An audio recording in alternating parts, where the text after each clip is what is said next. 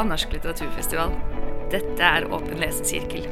Bruk gjerne denne podkasten som utgangspunkt for egen lesing, eller som startkabel i samtale med andre.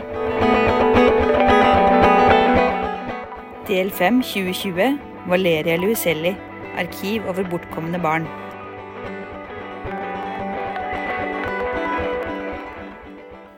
Hei, jeg heter Mathias Samuelsen og er kunstnerisk rådgiver i Norsk litteraturfestival.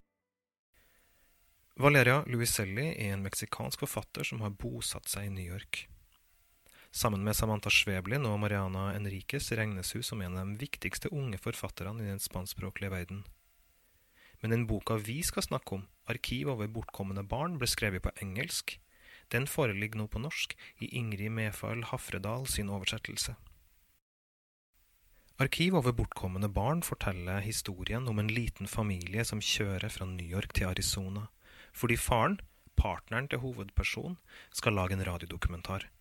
Ganske hurtig blir det klart at hovedpersonen i boka har gått med på denne turen fordi hun ønsker å redde forholdet. Med seg har de to barn, begge fra tidligere forhold. Men det boka egentlig handler om, er ikke denne reisen.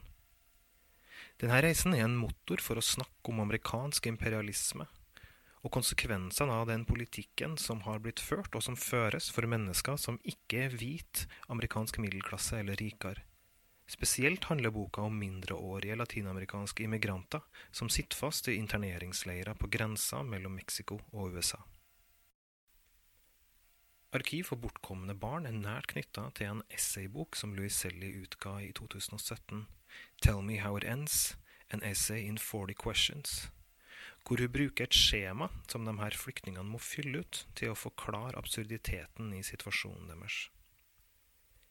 I begge bøkene går hun inn i den prosessen som de mindreårige migrantene utsettes for. Den språkforvirringa og byråkratiet som nådeløst og med overlegg holder dem i den situasjonen de er i.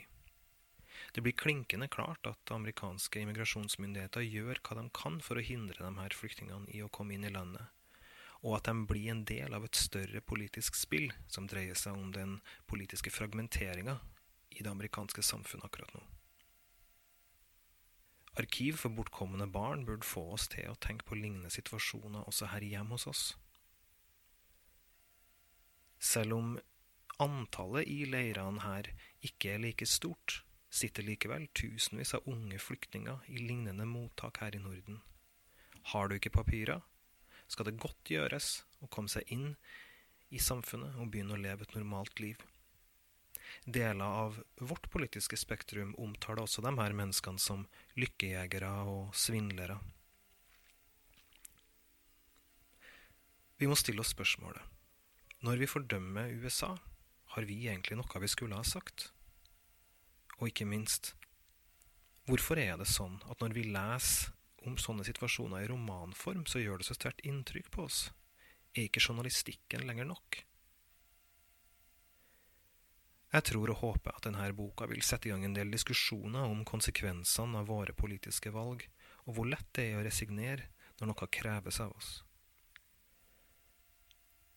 Som tillegg vil jeg gjerne anbefale dere å lytte til Jonas Eika sin tale fra da han vant Nordisk råds litteraturpris i 2019.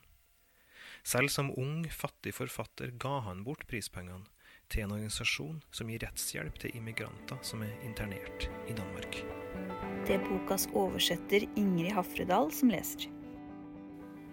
De seks barna, som nå står på taket av togvogna, kom fra ulike steder.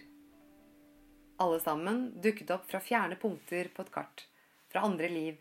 Historiene deres, som ikke hadde noen forbindelse, er nå låst sammen av omstendighetene, til jernbanesporets urokkelige linje.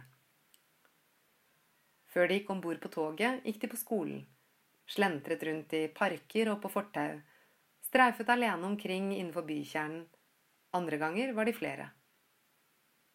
De hadde aldri møttes før. Livene deres skulle aldri ha krysset veier, men det gjorde de. Nå, mens de kjører bakerst på dette beistet av et tog, tett klynget sammen, tegner historiene deres én en enkel, rett linje der de kjører gjennom ødemarken.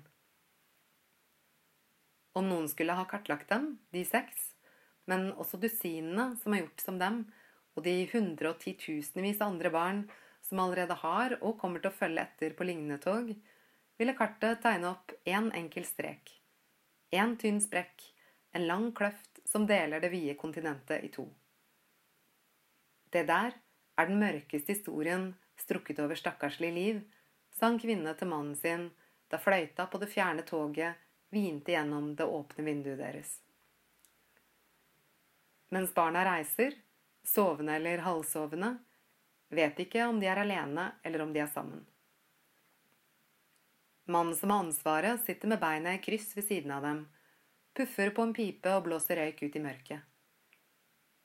De tørre bladene i bunnen av pipehodet hveser når han inhalerer, før de gløder oransje som en floke elektriske strømkretser i en sovende by sett fra oven.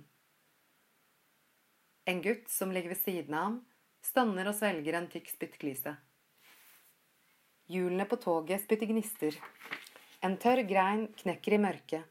Pipehullet knitrer igjen, og fra togets metalliske innvoller høres det hele tiden en lyd. Lik lyden av tusen skrikende sjeler. Som om toget må knuse klynger av mareritt der det kjører gjennom ørkenen.